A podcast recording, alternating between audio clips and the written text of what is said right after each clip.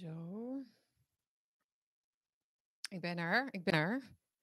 Lieve kijkers, luisteraars, ik ben er. Ik moet alleen even dit rechtzetten. Soort van. Beter.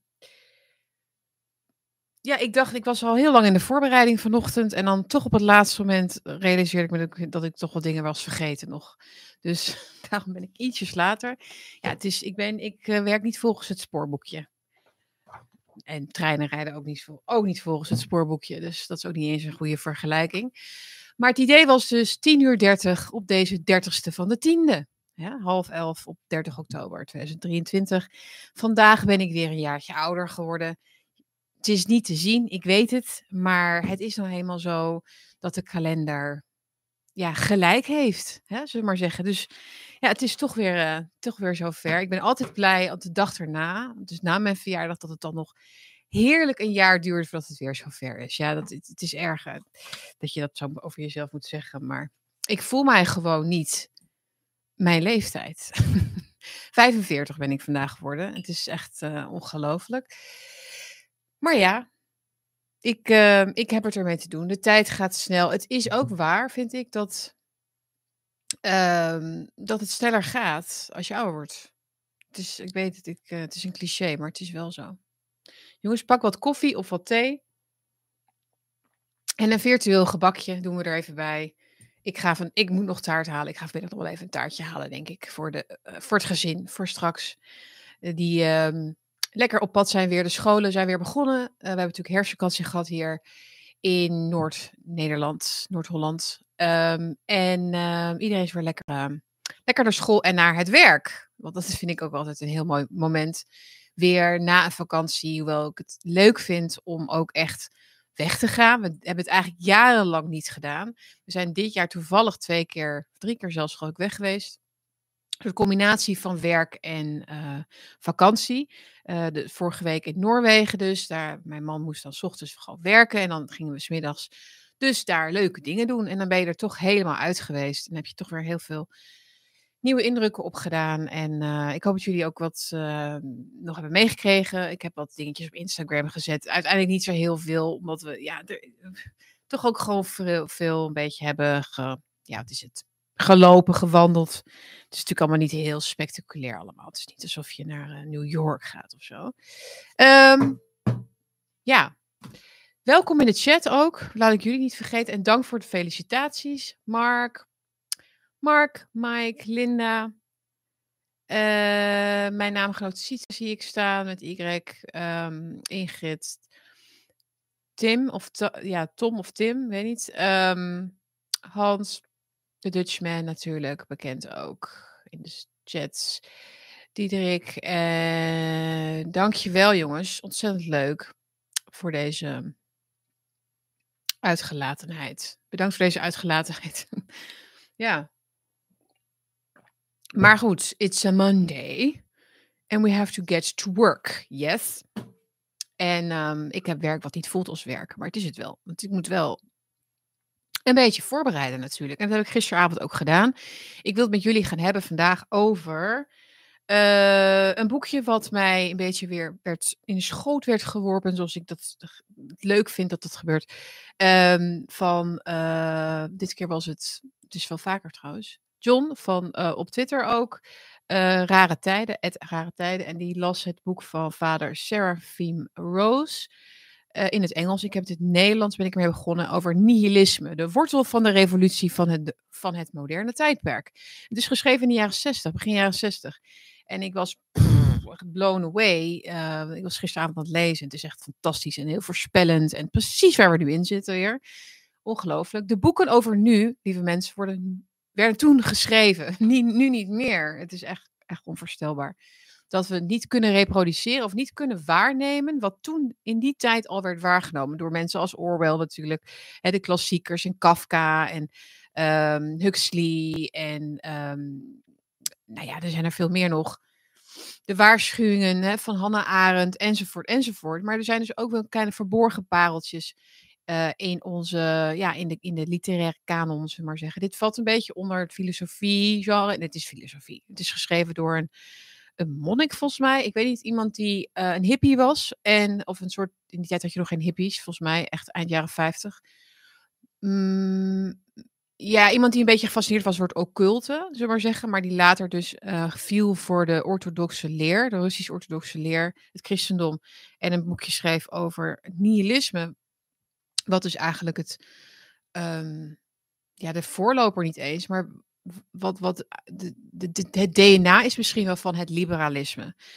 Um, uh, hij zegt in het boekje: liberalisme is geen openlijk nihilisme, maar het, het, gedijt wel. Nihilisme gedijt heel goed in het liberale, humanistische gedachtegoed.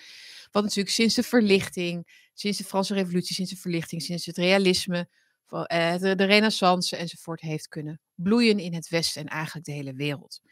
Maar dat is, dat is, dat is natuurlijk interessant. Um, uh, daar wil ik het even over met jullie over hebben. Um, over het absurdisme ook, waar, waar dat waar, wat daarin beschreven wordt. En um, omdat we dus in die absurdistische tijd zitten. Um, ik wil daar e-, eventjes even, even een update van geven, denk ik. Want hij heeft natuurlijk geen idee gehad. Hij heeft het over de 20ste eeuw. Maar wat er dus in deze eeuw nog allemaal zou gebeuren. Waardoor hij zijn theorieën, zijn ideeën kon bewaarheid kon zien worden, zeg maar. Hoe zeg je dat? Ja, waar kon zien worden. Dus laten we daar even over hebben. Ik heb gisteren nog gekeken naar een stukje van een interview uh, met Matthias de Smet. Dan moet ik even de naam, nou maakt niet uit, maar ik heb gisteren even naar de Smet zitten luisteren. Die had een podiumgesprek met, met, een, met een theoloog uit mijn hoofd. Hè, ik had even op moeten schrijven. Kom er zo wel op. Um, dat heb ik halverwege moeten afzetten. Daar gaan we zo even over hebben. Maar wat de, het absurdisme en het nihilisme van dat boekje nu ook interessant maakt, is het stuk wat ik vanochtend dus e even tegenkwam in HP De Tijd. Ik weet niet of jullie het al hebben gezien. Uh, over die uh, Sumaya, die um, oud-Hofstadgroep dame die veroordeeld is toen voor lidmaatschap van de terroristische beweging. En uh, Sumaya Sala heette zij. En nu blijkt dus in het artikel van Ton F. van Dijk, goed stuk.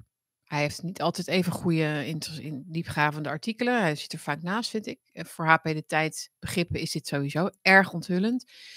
Hij heeft een stuk geschreven dus over het wonderbaarlijke verhaal van ex-terroriste Sumaya Sala steeds één handdruk verwijderd van de macht. En wat het interessant maakt, want er zitten heel veel dingen in. Het gaat ook over de BBB, over de, de rol van Roy de Ruiter, de ex, uh, hoe heet het, de mensen die daar in het defensienetwerk zitten van politieke partij Bureau Burgerbeweging. Daar gaat het over. Maar ik wil even, um, uh, even kijken. Ja, dus er wordt een heel netwerk wordt hier dus eigenlijk beschreven de rol van Frits Bolkestein. Die heeft geld gegeven dus, heel veel geld gegeven aan die Sumaya Sala in de afgelopen jaren, totdat zij dus in de problemen raakte in 2021. Dus een beetje op de achtergrond heeft dit gespeeld. Ik kan me wel herinneren inderdaad dat dat toen op een gegeven moment speelde, dat de VVD zich daar eigenlijk niet meer aan wilde, mee wilde associëren. Maar zij is dus wel gewoon uh, voorzitter geweest van een VVD-clubje. Ehm, dat was het ook alweer. Um, we, gaan het, zo even concreet maken. Uh, maar zij is dus nu uit de VVD gezet. En, maar ze heeft dus geld gekregen van Frits Bolkestein. Voor haar, ook huur en zo. Hè? Dus huur, gewoon levensonderhoud. En wat is Frits Bolkestein, beste mensen? Een liberaal. Dus als we het dan hebben over nihilisme en liberalisme, is dit natuurlijk een mooi voorbeeld van een liberaal mens, wat in het nihilistische gedachtegoed van deze wereld in staat is om dus een extremist een ton te geven, of zoiets, geloof ik, misschien wel meer. Die familie is nu heel, helemaal, helemaal bezig om het uh, soort goed, glad te strijken, natuurlijk. Bezig om, um, uh, hoe heet het? Um, ja, dus om, om, om zo'n vrouw, hè, dus een oude man, een oude man, een oude VVD-voorman, uh, die dan valt voor de charmes van zo'n van zo'n moslimmeisje, vrouw, die heeft een straf gehad en die wil hij dan, hij wil haar dan als het ware rehabiliteren. Hij wil haar dan een plek geven, een positie geven in die macht, in die VVD-cirkels, in wat voor cirkels dan ook, aan tafels hebben, aan vergadertafels hebben. Um, met natuurlijk de, met de gedachte, zoals je dat veel, bij veel liberalen ziet, die natuurlijk niet meer te onderscheiden zijn in die zin van, van linkse progressieve weldoeners en deugers. Dat, dat is allemaal één, één, één onderdeel van hetzelfde. Inmiddels zien we dat toch? VVD is toch ook gewoon links? Maar waar, waar, waar, waardoor kunnen we dat verklaren? Dus door dat nihilisme, wat, wat ze allemaal met elkaar gemeen hebben, wat ze met elkaar delen. Uh, niets is waardevol, alles is een soort um, opstap, alles moet een opstapje zijn naar een betere wereld, maar dat betekent niets meer, snap je? Dus ze moeten steeds extremere dingen doen eigenlijk om hun goedheid te voelen, om, om, om zich boven, zich boven zichzelf uit te stijgen, als het ware. En hoe kun je dat beter doen dan door iemand die schuldig is, als het ware, te helpen? Um, om, hè, om weer terug te keren in die samenleving. Nou ja. Dus dat. Ik vond dat wel grappig hoe dat balletje, of hoe dat dan weer, die cirkel dan weer rond is. Als je dat dan weer leest, denk je, ja, natuurlijk. Dat is precies wat, wat, ik, wat, wat een Frits Bolkestein natuurlijk dan zou doen. Hè, als je geen waarde hebt, als je geen ankers hebt, je hebt geen, uh, ja. Nou goed. Oké, dat. En ik zag nog een tweet van Caroline van der Plas vanochtend, die zij vannacht heeft gestuurd. Een heel wonderlijk verhaal. En we hebben natuurlijk de dood gezien van Matthew Perry afgelopen weekend. De Friends-acteur. En uh, daar wilde ik ook nog wat over zeggen. Ik denk dat we daar maar even mee gaan beginnen. Kom gezellig binnen, mensen die later zijn. Ik moet nog even met jullie samen ook een beetje wakker worden hoor. De introductie was een beetje rommelig, maar ik hopelijk komt dat nog goed. ik word ook een dagje ouder.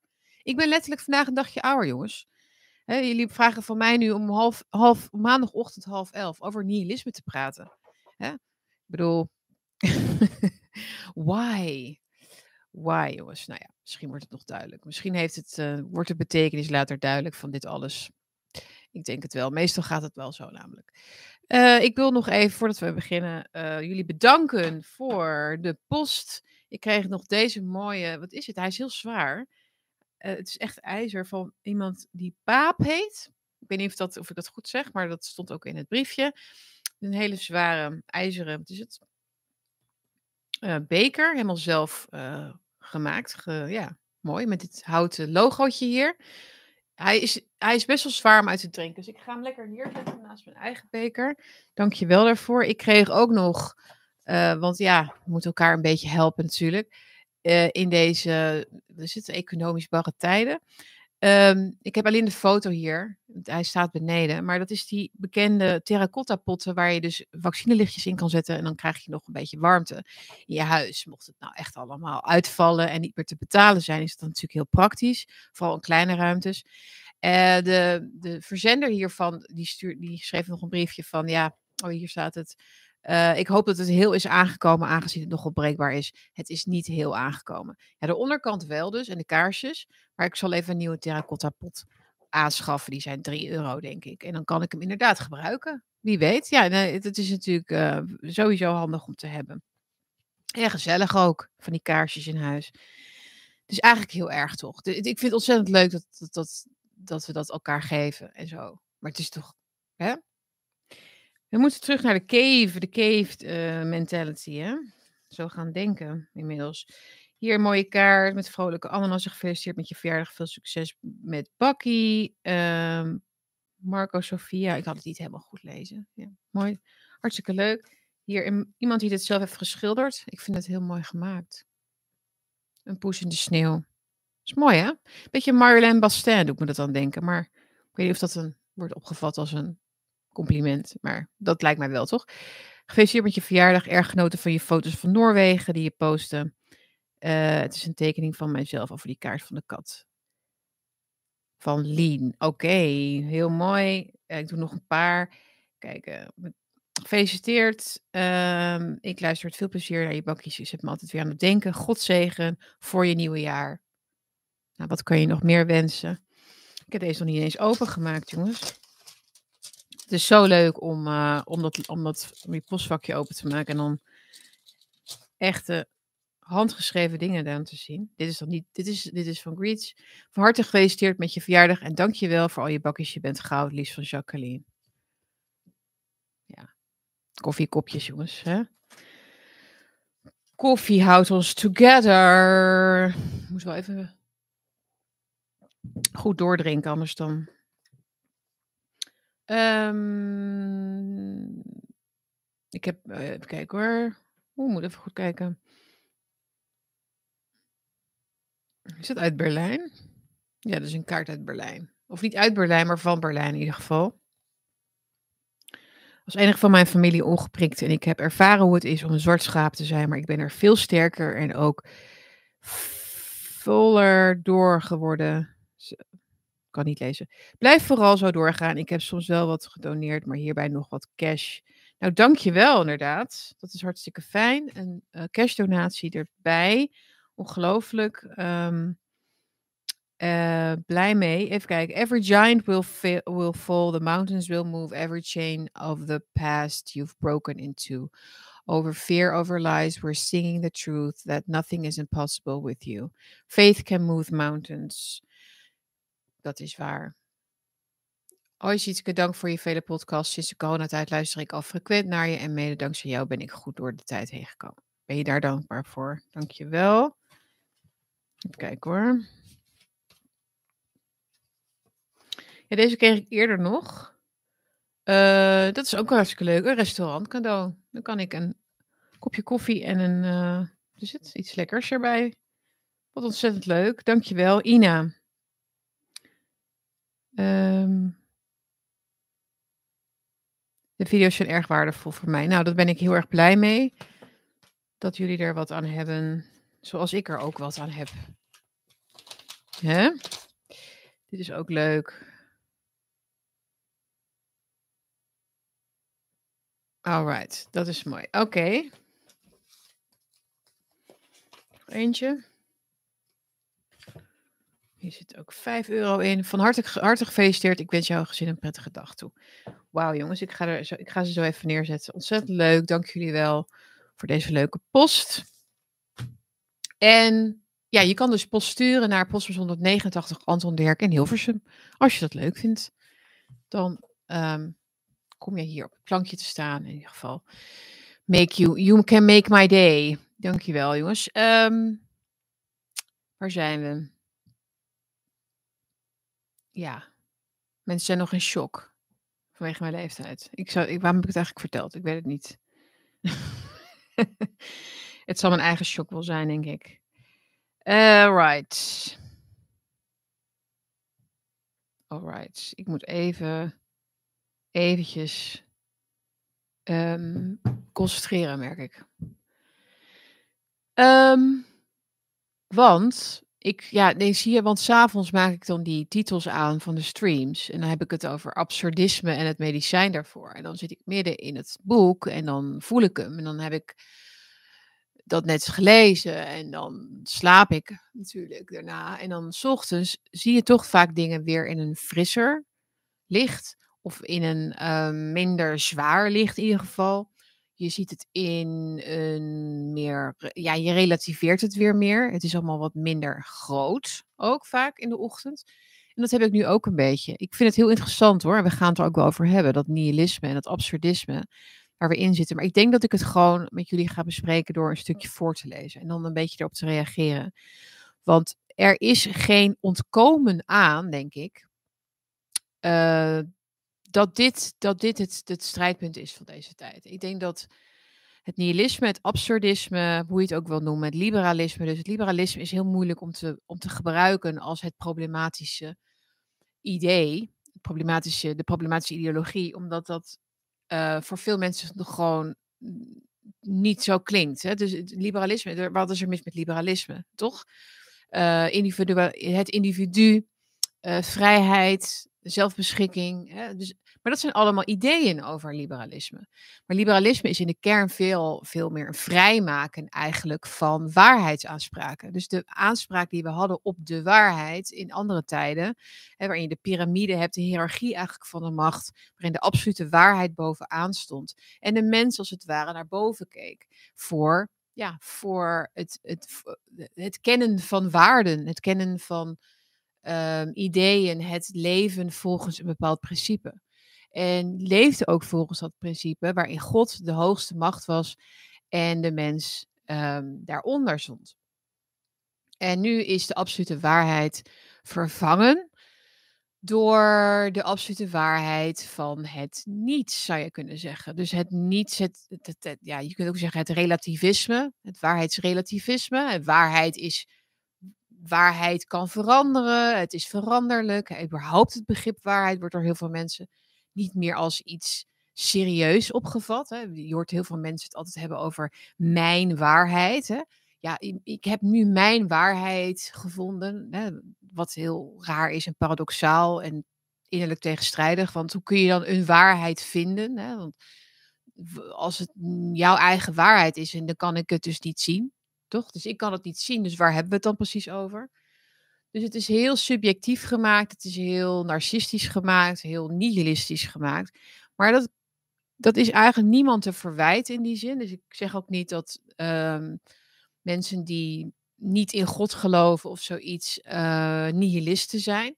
Dat is denk ik niet waar, wat ik vandaag wil bespreken met jullie. Want het gaat namelijk niet over of je in God gelooft. Alhoewel helpt dat wel om uh, iets tegenover het nihilisme te zetten.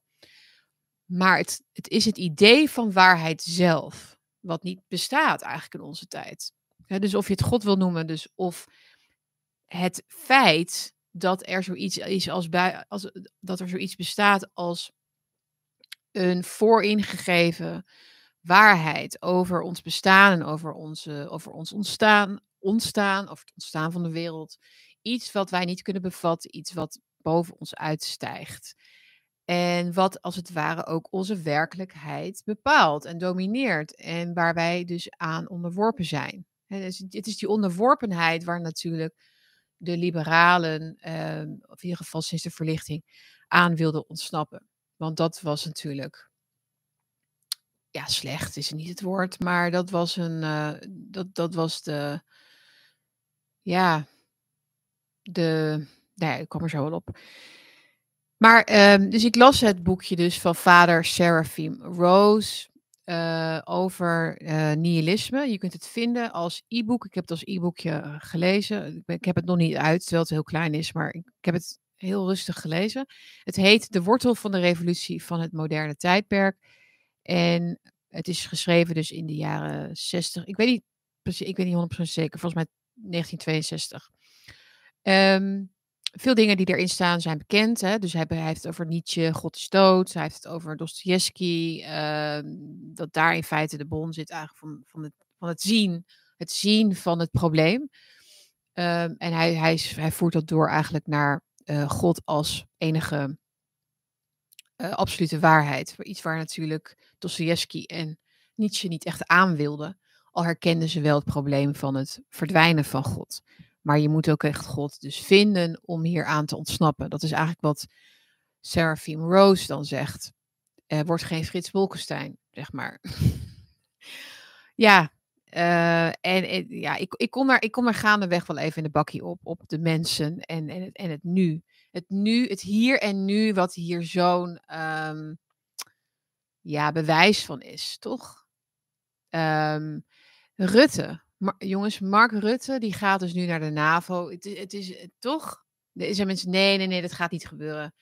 Waarom gaat hij zeggen dat hij beschikbaar is voor de NAVO? Nee, maar dit soort mensen, dit soort.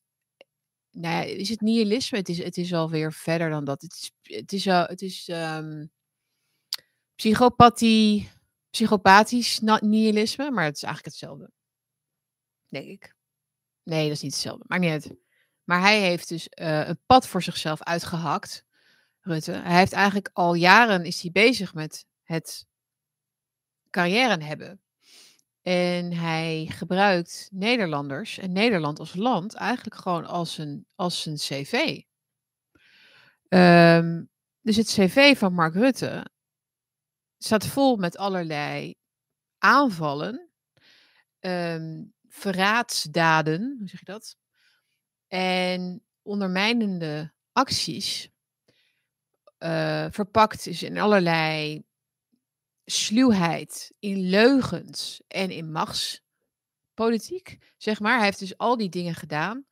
Hij heeft zijn cv volgebouwd met al deze, met al dit gedrag, um, om te laten zien aan zijn, ja, dus aan zijn toekomstige bazen dat hij geschikt is voor het voortzetten van deze transhumanistische ideologie, uh, het, nihilisme van het Westen. Um, wat uiteindelijk dus heeft geleid tot dat transhumanisme. Dat, dat, dat wist trouwens uh, Seraphim Rose niet. Hè? Die heeft het wel over het humanisme, het liberale humanisme. Wat uiteindelijk ver, steeds verder afdrijft en afwijkt van menselijke waardigheid en, en, en, hè, alle, alle mooie, ja, zeg maar de mooie begrippen die we uit het christendom kennen.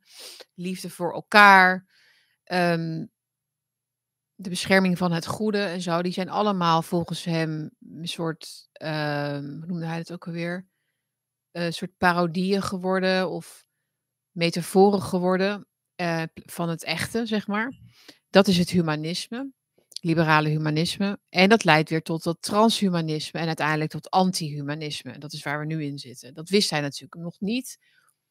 Maar hij had het wel meteen begrepen, denk ik. Als hij nu geteleporteerd zou worden uit, uh, nou ja, uh, eh, 60 jaar geleden, van 60 jaar geleden naar nu, dan had hij dat meteen herkend.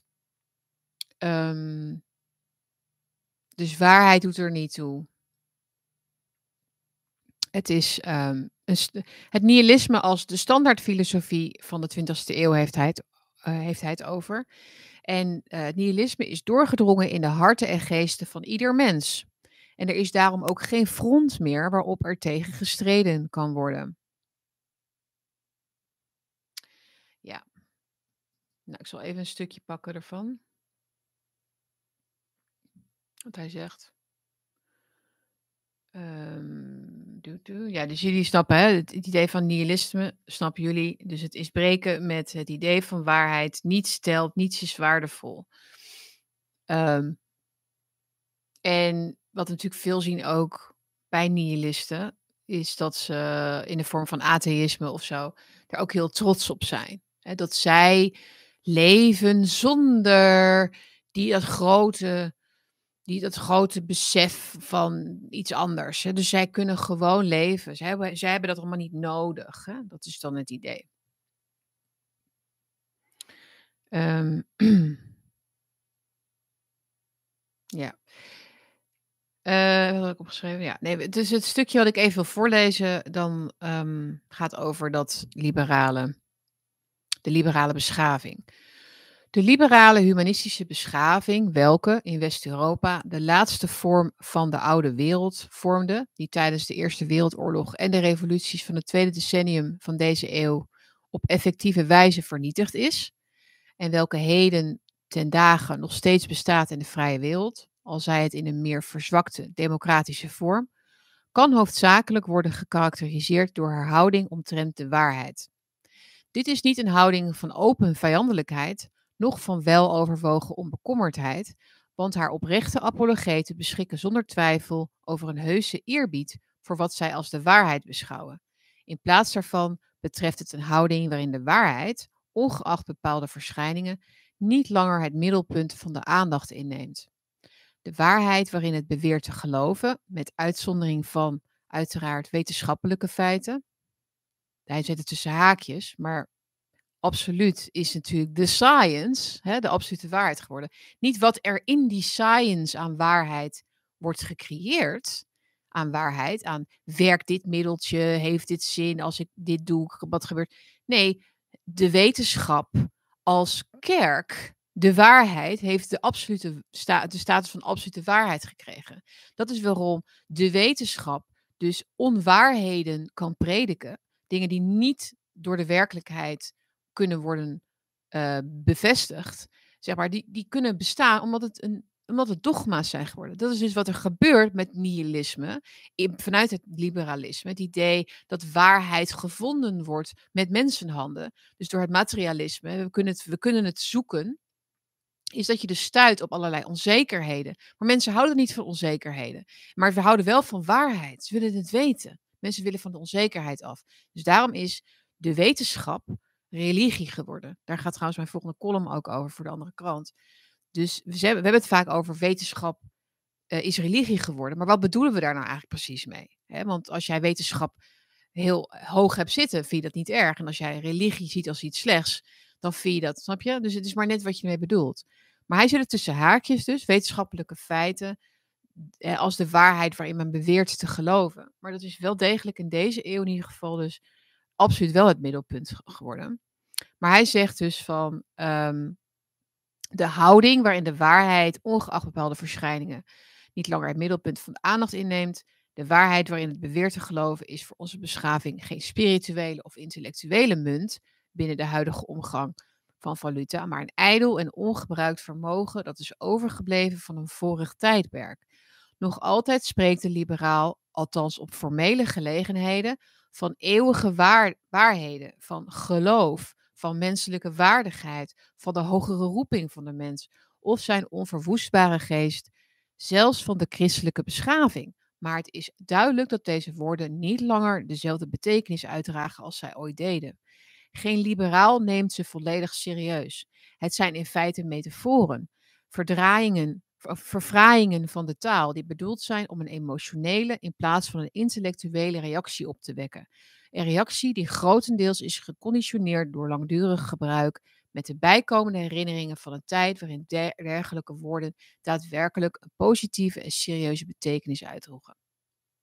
Dit vond ik heel sterk en heel toepasselijk op nu, zeg ik dan maar weer even, omdat we zien dat die woorden, inderdaad, die verfraaiingen, die mooie verfraaiingen, die metaforen, zoals hij ze noemt, die een emotionele reactie moeten opwekken in plaats van intellectueel debat, precies is wat de woorden nu zijn, zijn gaan betekenen. Het gaat natuurlijk veel verder dan hij ooit had kunnen voorspellen, denk ik.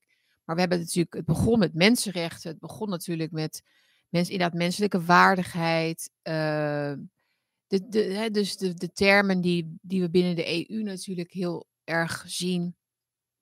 Uh, de rules-based order, hè, dat is helemaal ge, gedownsized. Je ziet ook dat steeds meer van het emotionele er ook wel weer uit wordt gehaald. De rules-based order. Dat klinkt niet echt als iets waar je echt voor wil sterven, toch? We gaan nu voor de rules-based order gaan we nu de loopgraven in. Maar dat is wel wat het meest nog resoneert, denk ik, met een samen of zoiets. Dus dat, dat is wat er nog over is, het samengevoel. Maar ook daaraan mag geen waarheid meer worden ontleend. Het is allemaal uitgekleed van waarheid. Het is allemaal, het klinkt als, het is een beetje als de joods-christelijke samenleving waarin we leven. Dat wordt dan vaak nog gebruikt. Of je ziet het vaak op 4 en 5 mei dagen. Dan komen dit, dit soort woorden heel veel voor hè, de, uh, de, het, de, ja, menselijke, de menselijkheid misschien is dat wel gewoon het woord. Hè? Wie zijn wij als mensen? Wij moeten als mensen samen voorkomen dat, puntje, puntje. Maar er wordt niets concreets, uh, er wordt niets concreet gemaakt van wat, is dan die, wat, zijn, wat zijn dan die waarden die wij zouden delen met elkaar? Is, is, is de waarde dat we nooit wapens mogen oppakken? Want je moet ook waarden kunnen verdedigen. En daar zie je dus de botsing, daar zie je dus de, de problemen die zijn ontstaan in het liberalisme. Is dat er, uh, omdat er geen absolute waarden meer waren, ook niets meer te verdedigen viel. Dus hoe kun je dan nog oorlog voeren? Hoe kun je jezelf dan nog. Um, hoe kun je jezelf verdedigen tegen de, de, de mensen die niet die menselijkheid hebben, niet die waarden hebben die je zelf niet wil erkennen. Hè? Heel ingewikkeld. We hebben het onszelf extreem ingewikkeld gemaakt sinds het, dat, sinds het nihilisme eigenlijk de standaard filosofie is geworden. Het heeft ons echt ehm, enorm, uh, het backfired, echt enorm. Die bevrijding van God heeft, eh, is, was echt de, ja, de domste zet, denk ik, van de mensheid ooit. Um, en ik heb dit vaker gezegd in uitzendingen ook, om het nog even wat ingewikkelder te maken, is dat mijn geloof in God, misschien, ik denk dat ieders geloof in God inmiddels, um, zoveel meer is, um, ja, hoe moet je dat zeggen? Het, het, het is een, um, is, is duidelijker geworden. Laat ik het zo, is veel, de, be de, bewijs voor het bestaan van God zit voor mij ook in precies dit, dit gevolg, denk ik. Het feit dat als je wil wegrennen voor iets wat er bestaat en, het kom, en je komt het tegen, je komt het tegen, ondanks dat je ervoor wegrent, dan, dan, dan bestaat het voor mij. Begrijp je? Dat is, de, dat, dat is hoe ik dus via een soort negatieve uitleg, via een, uh, via een omweg als het ware uitkom bij God. Dus niet van ik kijk naar hem en ik zie hem en ik voel hem, wat ook wel zo is. Maar dat, daar moet je aan werken. Dat is, dat is heel persoonlijk. Dat is het persoonlijke deel. Maar als je puur kijkt naar het, naar het grote verhaal van de mens waar we in zitten. Het, alle strijd die we nu op dit moment ervaren. En uh, het, het wegrennen ervoor is dat het eigenlijk dat God zijn schouders ophaalt en zegt: Ja, ik kan er ook niks aan doen, maar jullie komen hier niet, jullie komen hier niet mee weg. jullie komen er niet mee weg om jullie eigen waarheid te creëren door het idee van waarheid weg te maken. En dan is die waarheid toch uiteindelijk een God, denk ik. Of, nou ja, hè, dat mogen jullie dan zelf invullen. Negatieve theologie, zegt Hans. Ja, dus dan benader ik het toch meer, dus misschien wat wetenschappelijk of zo, zou je dat zo kunnen noemen? Filosofisch in plaats van spiritueel. Um, maar je moet ook begrijpen dat ik ben ook een kind van een generatie uh, waarin dat, dat die standaardfilosofie bij mij er ook heel erg is ingeramd.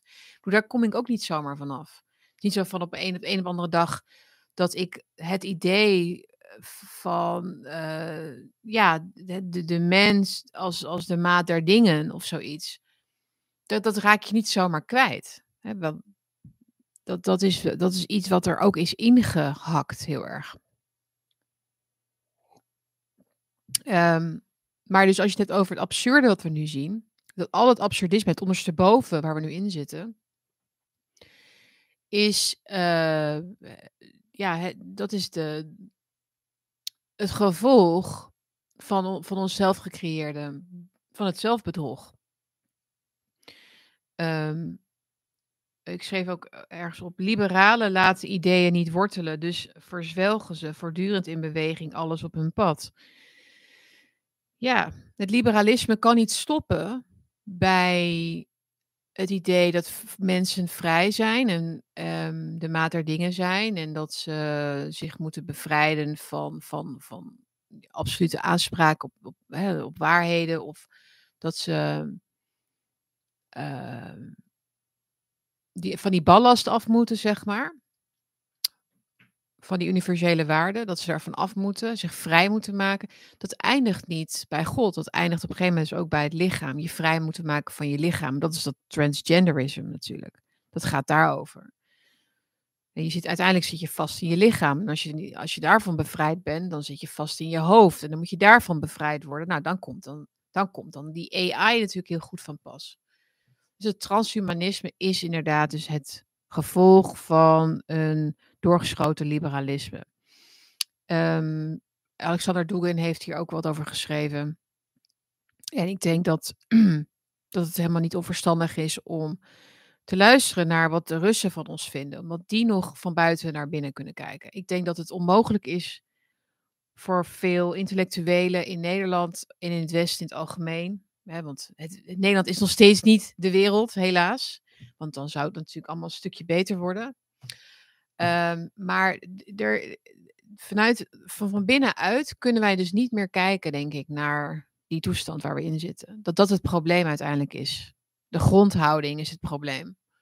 Het probleem is niet populisme, het probleem is niet moslim-extremisme, het probleem is niet ehm, links en rechts of zoiets.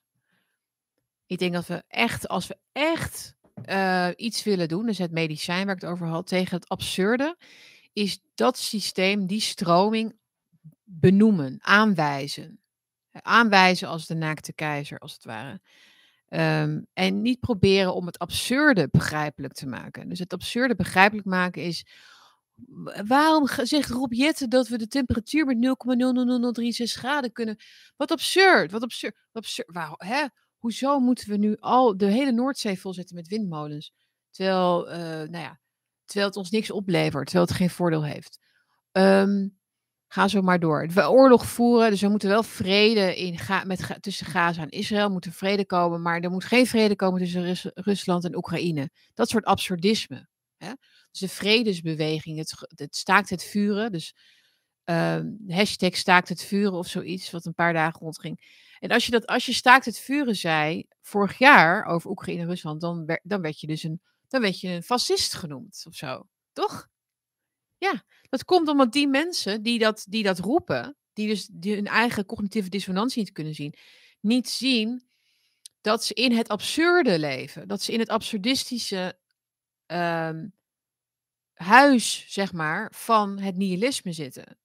Um, waarin ze niet hebben kunnen, ze kiezen niet voor het een of het ander. Ze kunnen geen waarheid meer zien. Ze kunnen niet meer zien waar ze voor staan, want ze staan nergens meer voor. Dus ook de reden, want dit, dit, dit boekje vond ik nog, waarom ik uh, veel te lang, langer dan nodig in ieder geval, ben blijven hangen. Uh, wanneer was dat? Een jaar of vijf geleden, denk ik. Waarin ik dat dus wilde onderzoeken eigenlijk. Van wat is die fascinatie met populisme nou? Hè? Hier, de, toen las ik dit soort dingen. Ik heb nog steeds aantekeningen en, en dingetjes erin.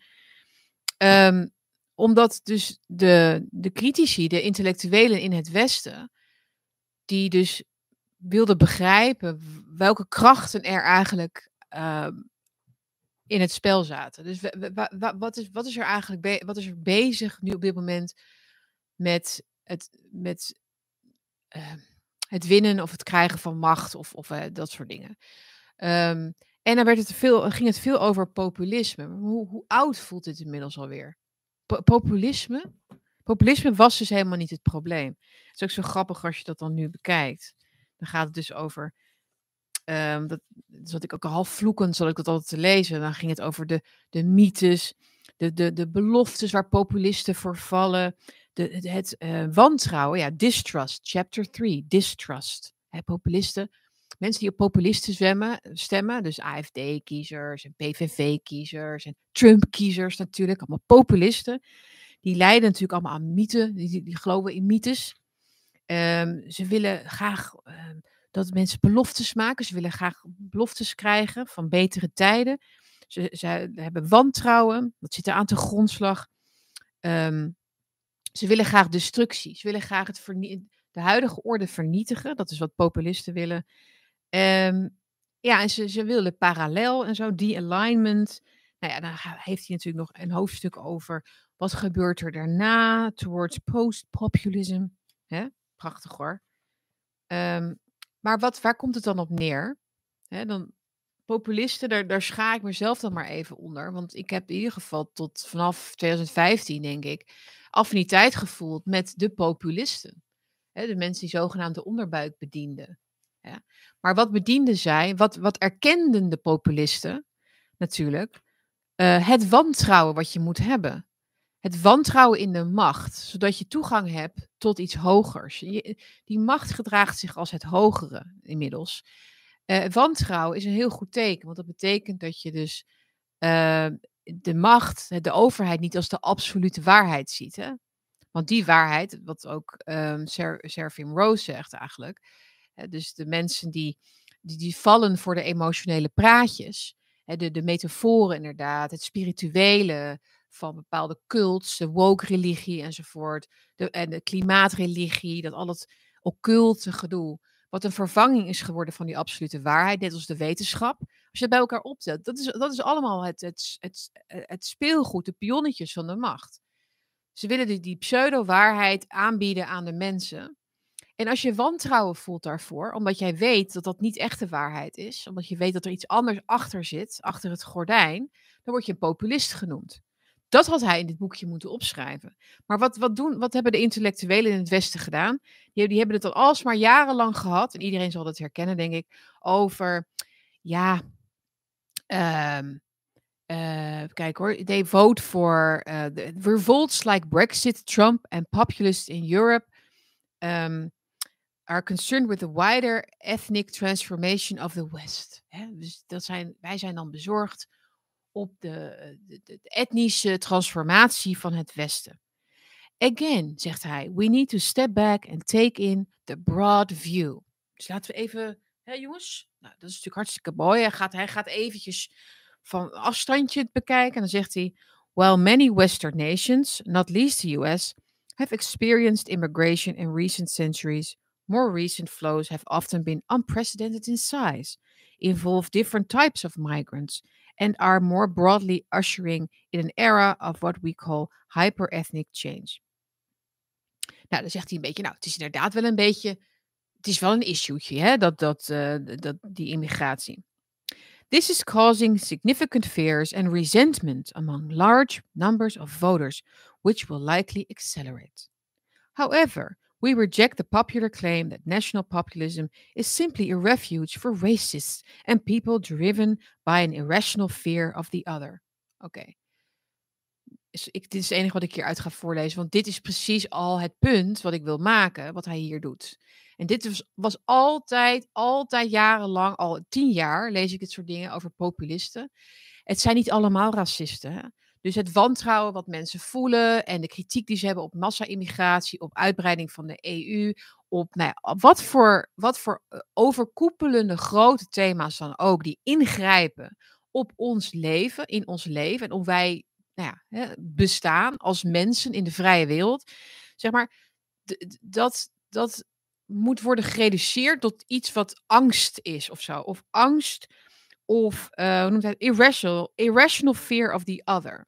En dan zeg je misschien, ja, maar dat zegt hij juist niet dat wij dat hebben. Hij zegt dat sommige mensen dat hebben. Uh, en dat het een, alleen maar een claim is dat het er zou zijn. Maar hij noemt het wel. Het is wel, wordt geïnsinueerd. Dus de insinuatie, de suggestie, dat, uh, dat, die, dat wantrouwen en die angst irrationeel is. Dus irrationeel. wantrouwen, dat zegt ook de AIVD en dat zegt ook de NCTV al jarenlang in rapporten. Dat, dat, dat moet, we moeten dat wantrouwen, dat moeten we, da, daar moeten we eh, iets aan doen. Dat wantrouwen is slecht. Want wie wantrouwen voelt, die valt buiten de samenleving. Die, die doet niet meer mee. En we moeten meedoen. We moeten allemaal vertrouwen voelen. Hoeveel mensen die meedoen voelen vertrouwen? Er wordt nooit getoetst of die mensen vertrouwen voelen. Het is alleen in de negatieve zin waarin het een probleem wordt. Dus het is nooit, wat hebben wij toch enorm veel vertrouwen als Nederland? de mensen die op D66 en VVD stemmen, en op Pieter Omtzigt straks en de BBB, die hun vlaggen weer goed hangen, die hebben allemaal weer vertrouwen. Trouwens, met die vlaggen was dat wel het verhaal. Ze voelen weer het vertrouwen. Maar over het algemeen wordt dat helemaal niet daadwerkelijk gevoeld.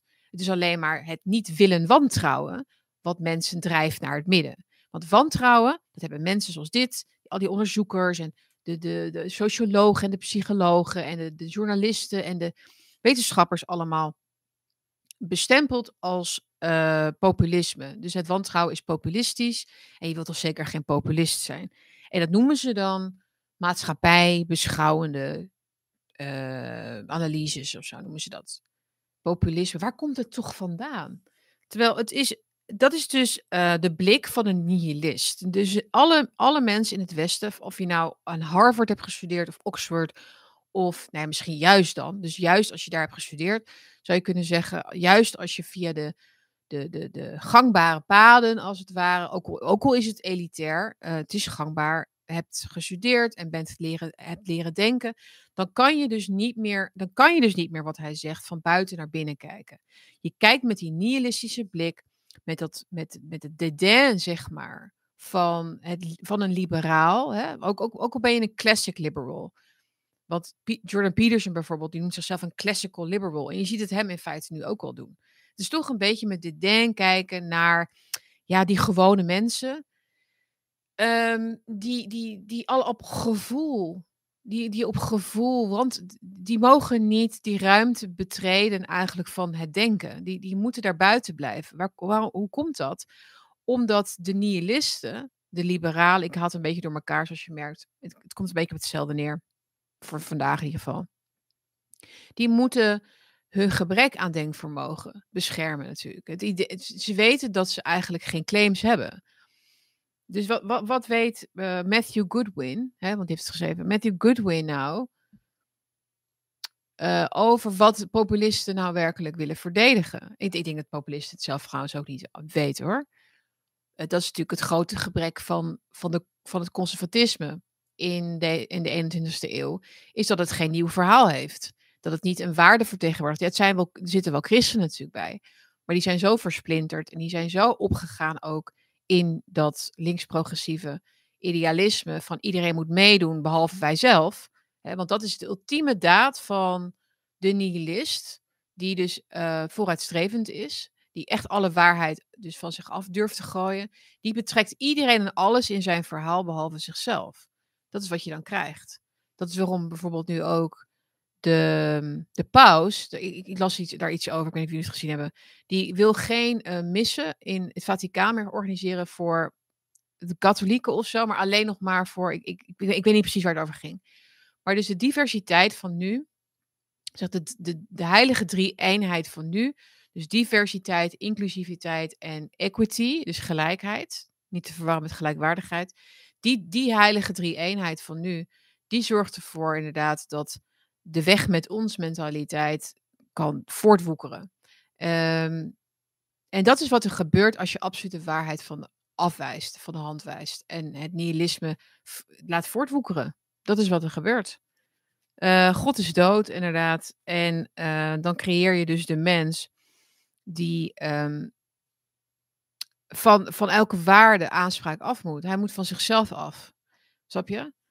Um, en daarom begrijpen mensen die populisme studeren, mensen ook niet. Ze snappen niet dat er mensen zijn die ergens nog met één been of zo um, in, een, in een grond zitten, in een wortel, in, in, in, wortels hebben.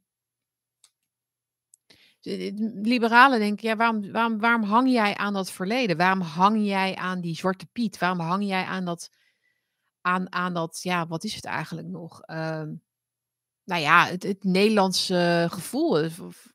hè, het, idee van, van echte tolerantie en echte vrijheid of zo. Want vrijheid kan ook onderdeel zijn van die absolute waarheid. Maar je moet het dus niet gebruiken om uh, slechte dingen te doen. Snap je? Dat is, dat is uiteindelijk wat er dan gebeurt.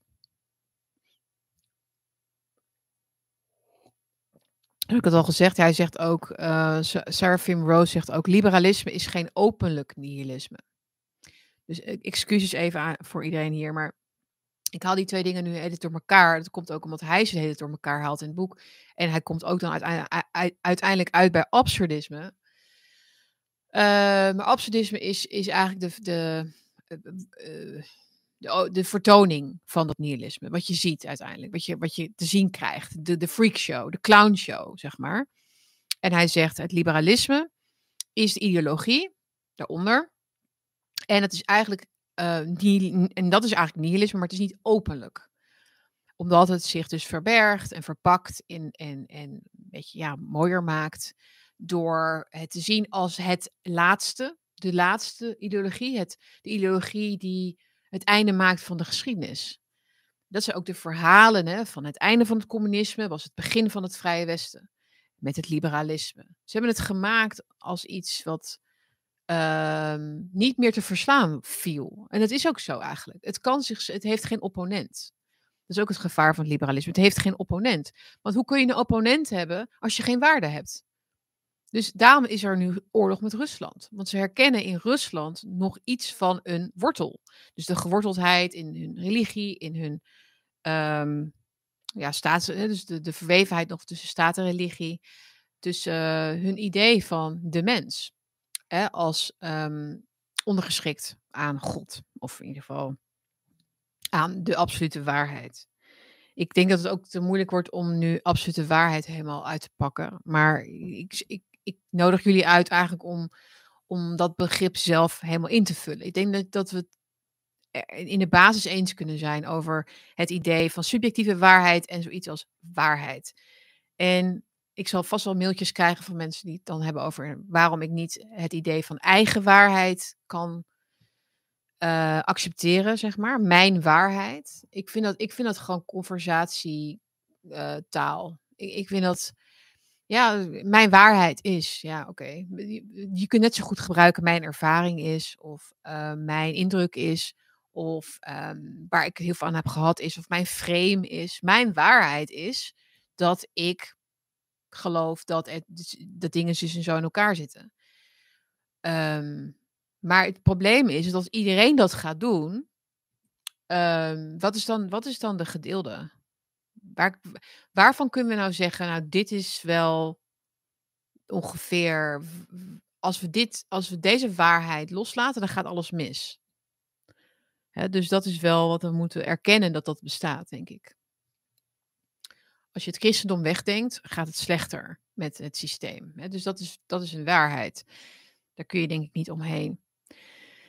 Um,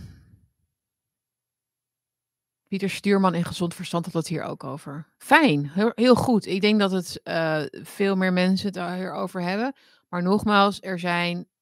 Ik nodig veel meer intellectuelen uit om um, te stoppen met het willen begrijpen van het absurde. In termen van eh, gelijk of ongelijk of zo. Dus um, Um, je, kunt, je, kunt iets niet meer, je kunt het iets niet meer rechtzetten. Wat. Um, ja, hoe zeg je dat? Dus de lucht blauw en het gras groen, zeg maar, ma willen maken. Lukt niet um, als er voortdurend iemand is die met een kwast er overheen blijft schilderen. Dus snap je, je kunt dat niet bijbenen. Het absurdisme heeft eindeloos geduld met zichzelf.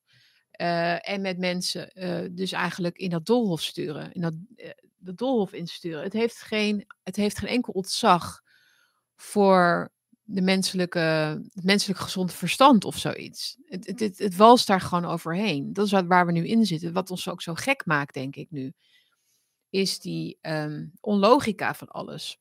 Wat als logica wordt gebracht. En dat is nog het ergste. Want de wetenschap zegt, de wetenschap zegt uh, dat kikkers ook uh, transgender kunnen zijn of zo. Waarschijnlijk staat het morgen al in de krant. Als je het kan verzinnen, dan staat het morgen in de krant. Kikkers kunnen transgender zijn of wat dan ook. En dat is, dat is wat er is gebeurd. Oké, okay, is ook nog één stukje uit dat boekje doen. En dan gaan we nog heel even naar HP de Tijd. Als jullie dat tenminste leuk vinden, maar Heel, ja, iemand doet nu een heel goed punt en daar ben ik heel blij mee. Want daar dacht ik gisteren nog aan, maar jij herinnert me nu. G, uh, GJ zegt hier uh, scherp, er bestaat geen absolute waarheid. Oh, is dat zo? Is dat absoluut waar? Ja, als je nou een, uh, een conversatie hebt met iemand die zegt, ja, er is geen absolute waarheid, dan kun je dat eigenlijk, kun je een mic drop doen, zoals het heet. als, je, als je daar, als je genoeg geschept in dat soort dingen. Uh, dan kun je mic drop doen en zeggen: Oh, maar is dat dan, dat, wat jij zegt, is dan ook niet waar, toch? Dus um, je, je komt er dan niet uit. Dus als jij de absolute waarheid ontkent, dat het niet bestaat, dan is dat dus ook weer een waarheid die niet bestaat. En zo gaan we dus eindeloos door tot, uh, tot, in de, tot diep in de hel, zoals uh, Rose zou zeggen. Hij zegt ook, hij, hij zat dus een tijdje echt diep in de hel door te proberen om eruit te komen, aan de andere kant te komen van het niksige, zonder God. Hij zegt, dat is er niet. Er is geen andere zijde. Er is geen rationeel um, ontsnappen uit, deze, uit het dilemma. Je kunt er niet uit, uit, ontsnappen. Elke vraag werpt weer een andere vraag op, werpt weer een ander probleem op, werpt weer een andere vraag op over onszelf. Je kunt alleen door het erkennen van een hiërarchie en een, weten boven jouzelf, hè, wat de dingen ordent, waarnaar jij gaat leven, waardoor de dingen terugkomen naar jou. Snap je? Dat is hoe ik God ook zie. Het is het geven uh, het aan het universum en het universum geeft weer terug. En hoe dat precies gebeurt, geen idee. Maar er is orde wat jij niet, waar je zelf niet aan hoeft te werken. Maar je moet het wel met respect bejegenen, denk ik. De natuur heb ik het dan bijvoorbeeld over. Um, maar ook het niet liegen, daar heb ik het over. Als, als houding, het beloont je. Het heeft een, een. Het is echt heel bijzonder. Maar het. um, ja, ik geloof ook echt wel dat mensen die voortdurend liegen, zoals Rutte bijvoorbeeld, en eigenlijk alle politici natuurlijk, in een hel leven. Um, omdat zij dus alle banden hebben doorgeknipt met de waarheid. Met de waarheid. Ja. Goed, dus uh, fijn. Dankjewel voor die, voor die goede aanvulling. Um, nou, ik denk dat ik vaker hem uh, zal gebruiken in, uh, in mijn bakkies als we het hebben over deze tijd en wat, wat we nu zien. En hou het simpel, zou ik ook willen zeggen. Je zou zeggen, begin bij jezelf, Sietske. Maar het, ik, zie dit, ik zie dit dus als uh, versimpeling.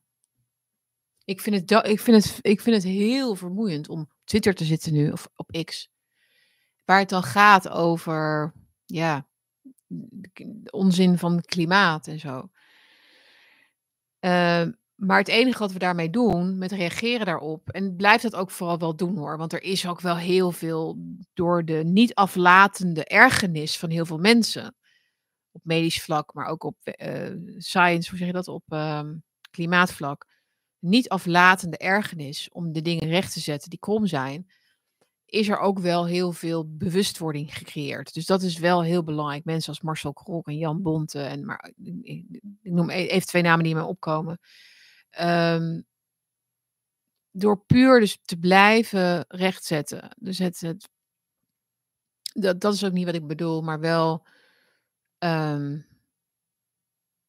dat, dat het niet moet worden dat je dus uh, de onzin in de ruimte van de wetenschap houdt. Want ze hebben dus baat bij, bij onze verbazing over alles. Uh, waardoor het lijkt, waardoor het debat wordt gespeeld, toch wel, snap je? Nou ja.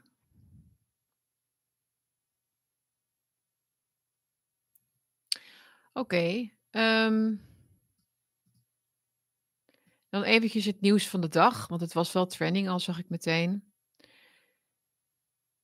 Dus wat krijg je dan in Nederland? dus dan ben je Frits Bolkestein. Dan ben je Frits Bolkestein, oud hoe heet het? VVD-leider Frits Bolkestein. En uh, ja, hij, dus laten we even het op leeftijd zijn, eventjes inderdaad ook meenemen als een soort van verzachtende omstandigheid. Oké, dat doe ik heus wel. Het gaat me even om het grote plaatje weer. Van hoe in Nederland uh, de, de, de, netwerken worden gecreëerd. Hè? Um, hoe weinig principes ertoe doen, hoe weinig idealen ertoe doen en waardes er dus toe doen. Als jij een um, ja, een belangrijk figuur bent ook. Of misschien juist dan. En het dus een soort sport vindt, of interessant vindt, om extremisten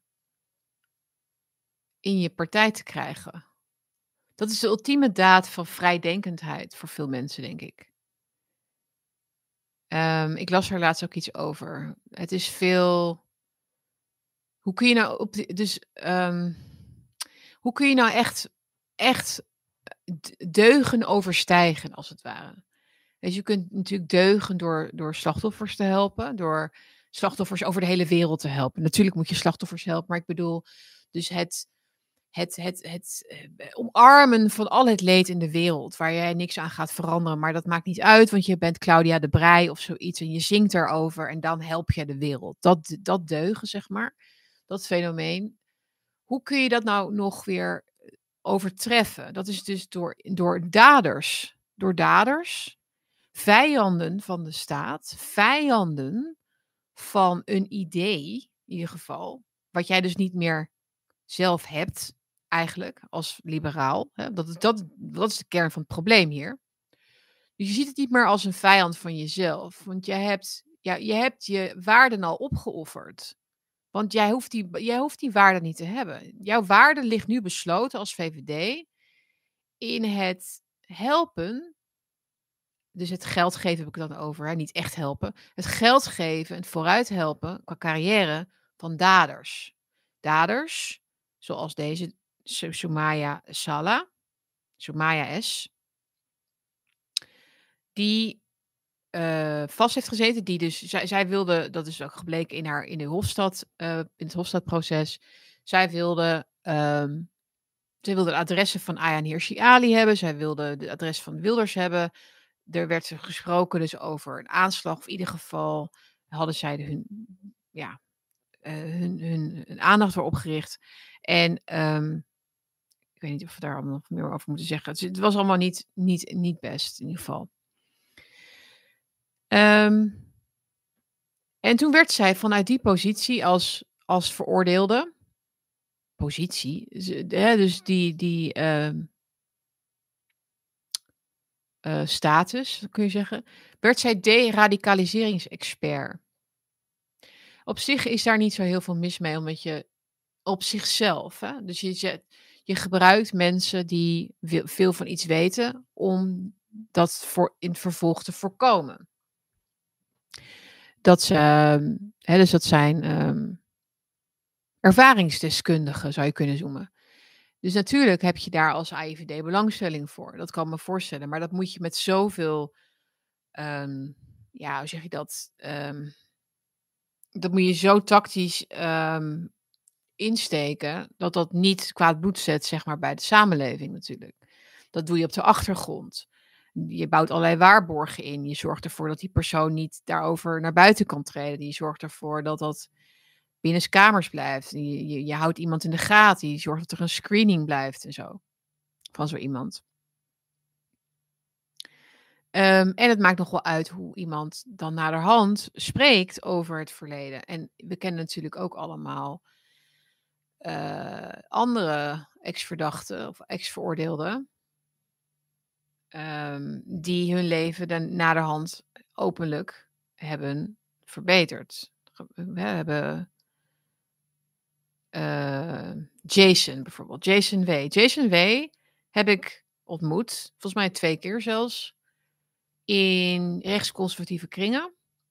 dus daar ben ik open over. Maar dit is, dat is volgens mij ook algemeen bekend. Um, en hij heeft zich echt ook heeft, heeft zich echt toegelegd op het waarschuwen voor dit soort dingen. Dus voor het nihilisme wat je dus ziet bij moslimradicalisme. Uh, die heeft zich niet op een, op een hele opportune wijze proberen in te, zeg maar, in te werken, in te likken bij de VVD, zoals zij dus.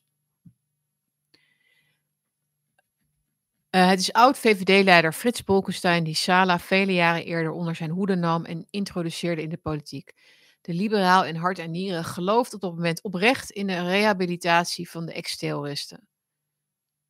Ja, maar dat geeft hem. Dit, dit, is, dit is de wens, dit is, de, dit is hoe je het hart van een liberaal kunt vullen. Is het geloof in, in, in de redemption van de dader die jou wilde dood hebben, als het ware die het liberalisme zelf wilde aanvallen, die het Vrije Westen wilde aanvallen, waar zij natuurlijk symbool voor staat, hè, met die Hofstadgroep.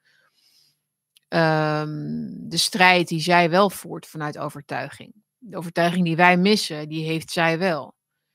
Snap je? Dus het is een soort, het is een hele rare relatie die je dan hebt als, als politicus, als oud VVD-leider, met iemand die een ex-terroriste is. En daar een geloof aan koppelt die daar geloof aan koppelt, oprecht in de rehabilitatie van ex-terroristen. Wanneer Sala hem naar een publieke bijeenkomst aanspreekt, raakt hij van haar onder de indruk. Het kan ook een man-vrouw ding zijn natuurlijk, speelt ook een rol. Het is niet lelijk volgens mij. Bolkestein vindt haar slim en welbespraakt en wil haar helpen bij haar terugkeer in de samenleving naar haar verblijvende gevangenis. Ik heb ook met Bolkestein gesproken een paar jaar geleden. Ik hoop dat hij mij ook wel slim en welbespraakt voelt, maar Nou, hij vindt mij natuurlijk niet interessant. um, Bolkestein verschaft Sala daarom toegang tot zijn indrukwekkende politieke netwerk. Wanneer zij in 2022 bij de VVD in de problemen komt, kan hij haar echter niet meer helpen. Nou ja, toen vond hij het niet meer leuk, natuurlijk. Hij, wilde dat, hij wilde de VVD haar schenken. Hij schonk haar, de VVD, als een soort van laatste um, daad. Van, wat is het?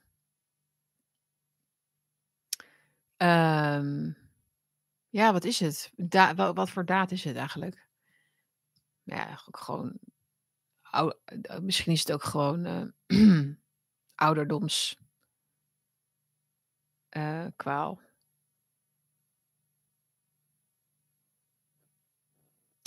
Ja, Sumaya was lid van de Hofstadgroep.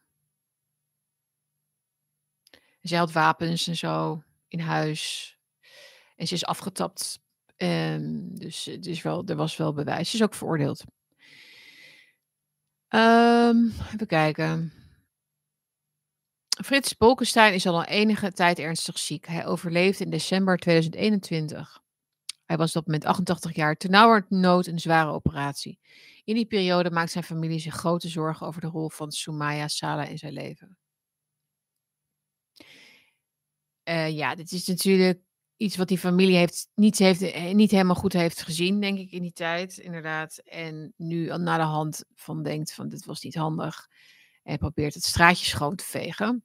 Maar het gaat dus over heel veel geld. En ik denk zeker dat zij hem dat heeft ontfutseld. Dat denk ik wel. Maar ontfutselen, eh, daar zijn twee mensen nodig om iets te ontfutselen. Dus um, ik denk niet dat ze, de, dat ze zijn pinpas heeft gestolen en 82.000 euro heeft gepind. 85.000 euro ik denk dat dat wel, wel degelijk een, uh, een soort uh, mentor relatie is geweest, zeg maar.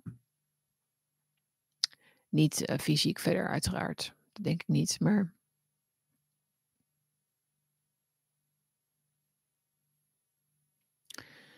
Uh, ja. Frits betaalde mijn huur rechtstreeks aan de huurbaas. Daarna Daarnaast betaalde hij ook andere kosten van levensonderhoud. Ik moest toch ergens van leven? Ik kreeg verschillende bedragen, een bedrag van 5000 euro. En toen Frits zijn appartement verkocht, net als alle andere kinderen, een bedrag van 10.000 euro. Oh wow, nou dan snap ik wel dat het niet zo lekker ligt in de familie. Je voorstellen? Waar, waarom geeft, nou ja. Wat is dit jongens? Vader-dochter. Nee, maar zijn je het bij mij eens dat, dat, dat hier iets in zit van een. Uh,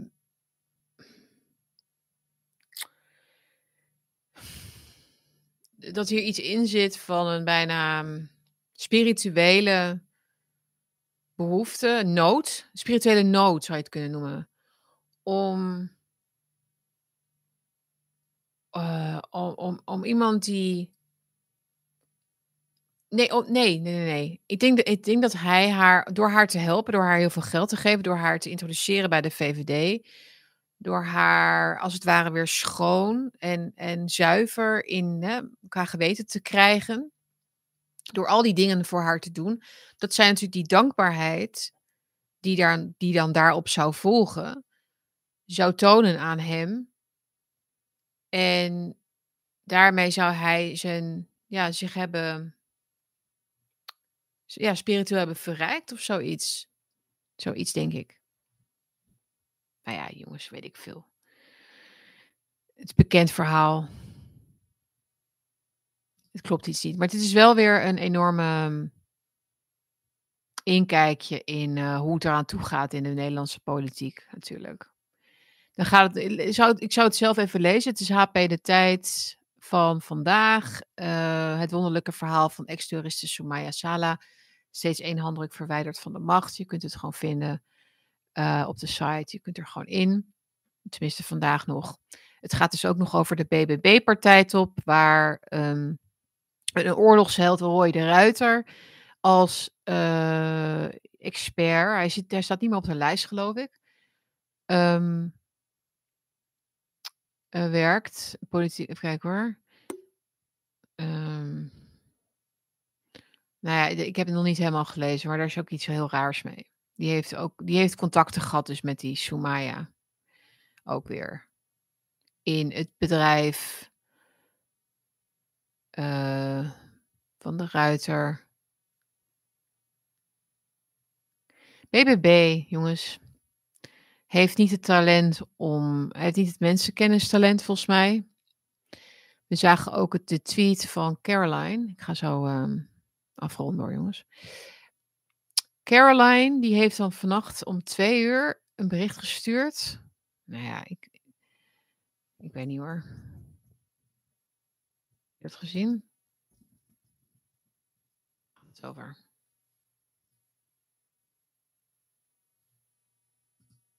Zij volgt mij. Nou, dat vind ik dan wel weer aardig. Maar goed. Een wonderlijke gebeurtenis vanavond. Bij een tankstation in Amsterdam liep een oudere meneer naar binnen. Hij vroeg personeel en klanten naar een bepaald adres. Op Google Maps bleek het adres 8 kilometer verderop te zijn. Meneer een beetje vertwijfeld. Ik ga wel verder zoeken. Maar dat liet Caroline natuurlijk niet gebeuren. Mijn batterij is trouwens bijna op. Dus als ik wegval, dan ben ik alleen nog te horen. Sorry jongens. Um, ik bood hem aan om adres in te tikken op mijn routeplanner en dan voorop te rijden. Vond meneer fijn, zo gezegd, zo gedaan. Eenmaal op het adres voor de deur aangekomen, liep ik naar hem toe om te zeggen dat hij er was. Ja, het draadje gaat nog een tijdje door. Maar zij rijdt dus met die man mee naar het adres. Vervolgens rijdt die man weer weg. En hij maakte zich zorgen. Who cares? Nee, maar echt. Ik bedoel, dat kan niet zijn. Maar wat, waarom zit je om twee uur s'nachts uh, terwijl je een PR-drama van een week achter de rug hebt, eigenlijk. Hè, vanwege dat Telegraaf-interview. Maar nu ook dat HP De Tijd-artikel. Waarin dus jou, een van jouw belangrijkste defensie-experts. die je hebt weten te strikken. Um, om uh, boegbeeld te zijn van je partij. Die, die wordt. Um, nou, nu val ik dus weg. Jammer. Op beeld. Die ligt dus nu onder vuur. En dan ga je dus over beginnen over een of ander tankstation verhaal. Ik weet niet hoor. Dus is het, dit valt dan zeker onder dat gewoon lekker normaal doen of zo? Dat is wel belangrijk in Nederland, hè? Kijk eens hoe normaal ik ben gebleven. Kijk eens hoeveel ik geef op. Oh. Ik zal even kijken of ik nog een batterijtje heb hier. Ondertussen. Even kijken hoor. Um, ja, als mensen nu nog binnenkomen, dan kan ik even nog zet je dat we altijd bezig zijn. En daarom is mijn batterij op. En uh, dat is vervelend. Uh, en ik moet eigenlijk een stopwatch gaan gebruiken. Ik wil echt kortere uitzendingen. Maar ik heb dat ook, het, is niet, uh, het ligt niet aan jullie of zo. ik heb dat ook met telefoongesprekken. Het duurt gewoon altijd langer dan ik denk.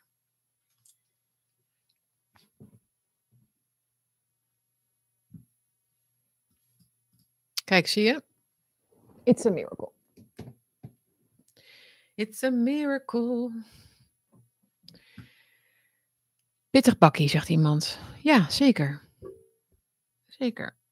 En um, op deze feestelijke dag. Toch wel. Uh, ik heb geen idee waar ik het over had. Ik had het over het HP-stuk, hè? Ja, jongens. Ik zou zeggen, ga het lekker lezen.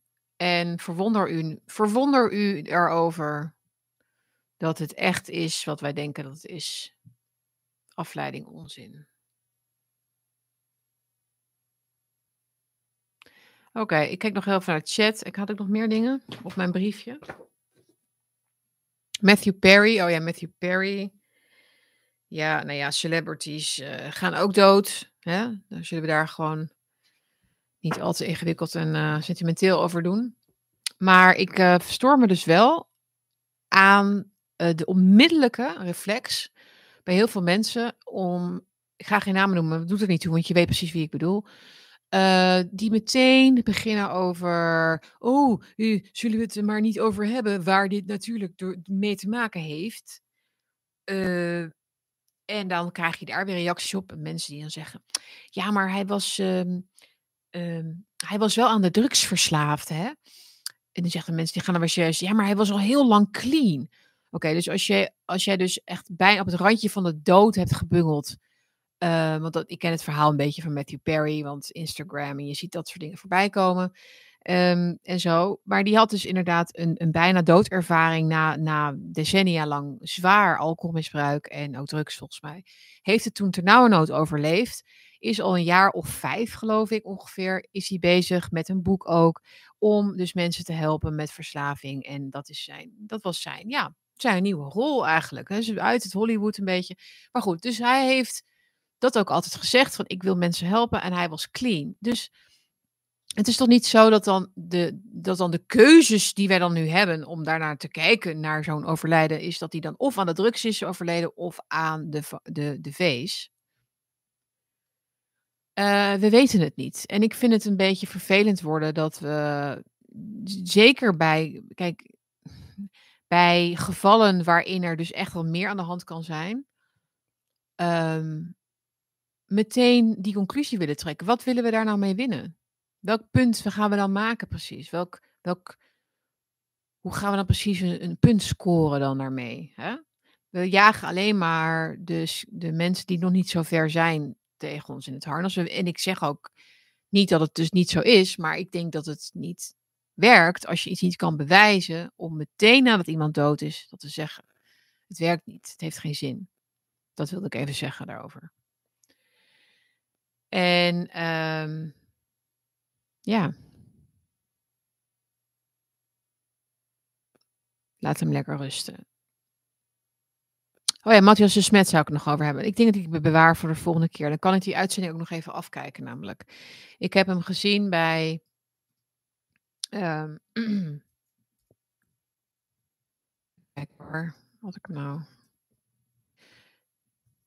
Uh, ik wil heel graag een keer uh, Matthias de Smet spreken. Het gaat ook gebeuren. Maar eh, dat duurt nog even, denk ik. Want ik wil het even goed doen. Maar hij heeft dus nog steeds die. Ehm, hij, hij vindt nog steeds dat er geen kwade wil zit. Hij, hij, hij heeft het dus over dat totalitaire systeem, wat nu oprukt. En de eigenschappen van zo'n systeem. Maar hij gelooft niet in vrije wil. En dat, ik vind dat een heel, ik vind dat heel ik begrijp dat niet. Maar goed. Dus daar, dus daar had hij het dus weer over. Ik geloof niet in kwade opzet. Ik geloof niet dat er een reden is waarom. Um, of dat er. Hij zegt wel van ik geloof wel in complotten. Maar wat we nu allemaal zien en wat we dus, wat we dus als totalitair kunnen bestempelen. Dat is niet een complot. Daar zitten geen complotten in. Want dat zijn gewoon eigenlijk allemaal gewoon atomen die gewoon iets doen samen. En dat leidt dan tot dit, jongens. Dat leidt dan tot dit. Dus dat Rutte nu naar de NAVO gaat, het is gewoon omdat hij als een atoompje gewoon, gewoon uitkomt daar. Snap je? En dat, dat ik daar dan niet kom, maar Rutte wel, dat is gewoon puur toeval. Het is gewoon maar net hoe je bent gelopen en waar je hebt, weet je wel, met wie je praat. dus dat is hoe, hoe Matthias met de wereld, zijn wereld is diep, uh, diep psychologisch ook gewired, zeg maar. Dat, dat is goed. Uh, en gelukkig weet je ook wel het een en ander van statistiek. Ik vind ook altijd dat als je expert bent in iets, dan moet je ook daarnaast iets kunnen nog. Zodat je iets kunt, dat je een soort van correctie hebt. Dus als je jurist bent, bijvoorbeeld zoals ik, dan moet je daarna, daarnaast ook. Je, je moet ook interesse hebben voor psychologie. Of je moet ook interesse hebben voor iets totaal anders. Waardoor je iets kunt. Dat je een soort van controle uh, groep hebt of een controlevaardigheid hebt, zou je kunnen zeggen, op jezelf. Dat is waarom politici ook zo wereldvreemd zijn, omdat ze niks anders kunnen dan, ja, wat is het, uh, zichzelf door allerlei situaties heen wezelen, toch? Dat is het enige wat ze kunnen. Uh, ze hebben geen handigheid of ze hebben niet gewerkt ooit, echt, echt gewerkt. Jullie wel natuurlijk allemaal. Maar ik wel. Dus uh, ik heb vanaf mijn veertiende altijd gewerkt. Allerlei baantje, baantjes gehad. En dat is gewoon heel goed. Um, maar ja, dus um, ik vind het toch lastig elke keer dat, um, dat, dat uh, die twee kampen van het is zo bedoeld, het is toeval. Maar goed, daar gaan we een andere keer dus over hebben nog. Maar ik kon het op dat moment even niet meer. Ik had even geen zin meer in dat. Nee, dit is allemaal, is allemaal gewoon. Uh, ja. Er kan men alles over zeggen, hè? Een, een Chinees spreekwoord. En dat is- Sorry, ik kan het niet goed nadoen. Oh, geen je wil, had ik opgeschreven. Alright, jongens, dat was het voor vandaag. En ik hoop dat jullie een genoten hebben van het bakkie, van de koffie, dat de koffie goed smaakte. En ik wil jullie een hele fijne week wensen, een heel goede dag. Laten we gewoon beginnen met de dag. Hè? Niet, niet te ver vooruit kijken naar de toekomst, jongens. Want er gebeurt genoeg. Eh, geniet van de kleine dingen in het leven. Ik denk dat dat ook heel belangrijk is. Ehm, de natuur, de prachtige herfst die we nu zien natuurlijk. De heerlijke vroegdonkere avondjes die we nu weer hebben. Steek lekker een kaarsje aan. Eh, pak die kookboeken. Ik heb ze gisteren gepakt eh, om lekkere dingen te maken. En zo hou je het gewoon toch goed, denk ik, voor jezelf en met elkaar. Dankjewel uh, voor de alle verjaardagswensen ook hier in de chat met name. Dus ik voel me heel erg jarig. Dat was ook de bedoeling natuurlijk waarom ik hier ben. dat is waarom ik hier ben. Dat is wat ik wil. En uh, mocht je nog een, um, een, een, verjaardagsdonatie willen doen, dan kan dat natuurlijk hieronder via de linkjes. Uh, ik heb er een aantal hier genoemd. Via mijn website kun je op de pagina ook een aantal linkjes zien als je dat makkelijker vindt. En daarin staat ook meer over mijzelf en wat ik doe. En kun je ook mijn artikelen vinden. Vergeet je ook niet in te schrijven voor de nieuwsbrief trouwens. Die ga ik vanaf deze week weer picobello elke week aan jullie verzenden. Dus uh, dat komt er ook allemaal aan. En um, genoeg te doen, in ieder geval. En ik vind het leuk. Heel erg bedankt voor het kijken en luisteren via Spotify Soundcloud. Dat kan natuurlijk ook. En via Rumble. En ik zie jullie later van de week weer. Ciao.